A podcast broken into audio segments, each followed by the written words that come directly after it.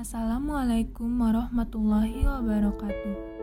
Nama saya Syakira Amalia dengan NIM 207194 dari Prodi Pendidikan Sosiologi Universitas Pendidikan Indonesia. Dalam podcast kali ini, saya akan membahas mengenai dinamika demokrasi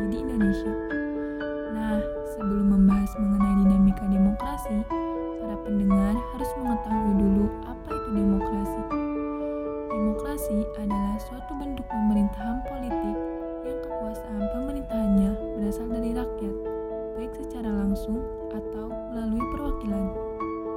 Demokrasi merupakan suatu sistem negara yang di mana kewenangan berada di tangan rakyat, sehingga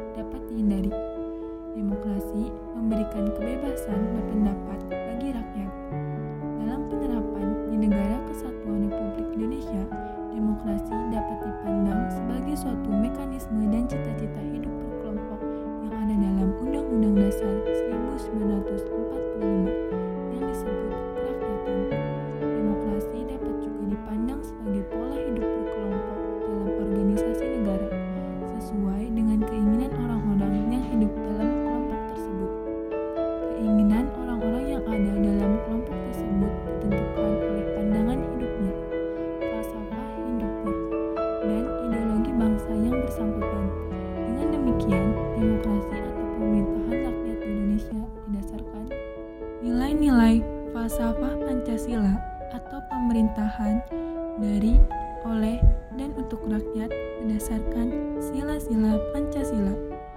Transformasi nilai-nilai Pancasila pada bentuk dan sistem pemerintahan merupakan konsekuensi dan komitmen terhadap nilai-nilai Pancasila dan Undang-Undang Dasar 1945.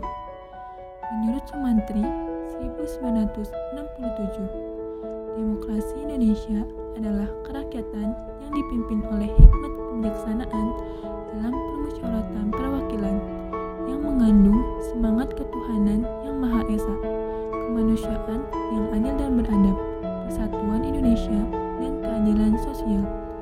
Konsep demokrasi yang diterapkan dan digunakan sampai sekarang ini oleh negara kita merupakan sistem demokrasi Pancasila. Demokrasi Pancasila